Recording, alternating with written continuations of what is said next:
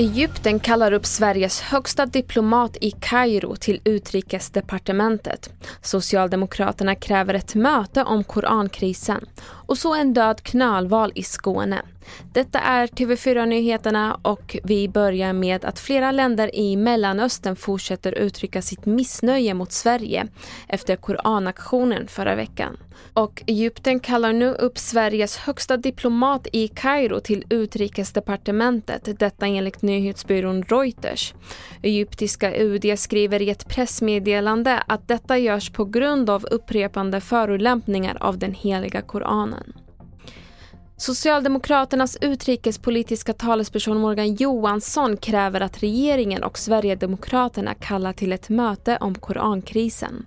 Johansson menar att läget håller successivt på att förvärras efter förra veckans koranaktion som lett till hårda uttalanden om Sverige från den muslimska världen. Och vi går vidare till bränderna på de grekiska öarna Evia, Korfu och Rhodos som fortsätter att härja.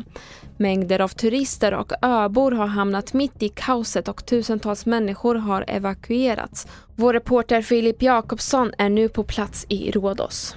Greklands premiärminister sa ju att man är i krig med, med bränderna och eh, det som har genomförts här på Rhodos beskrivs som den största evakueringen någonsin, någonsin i Greklands historia på grund av skogsbränder. Över 19 000 människor har ju tvingats evakueras de senaste dagarna.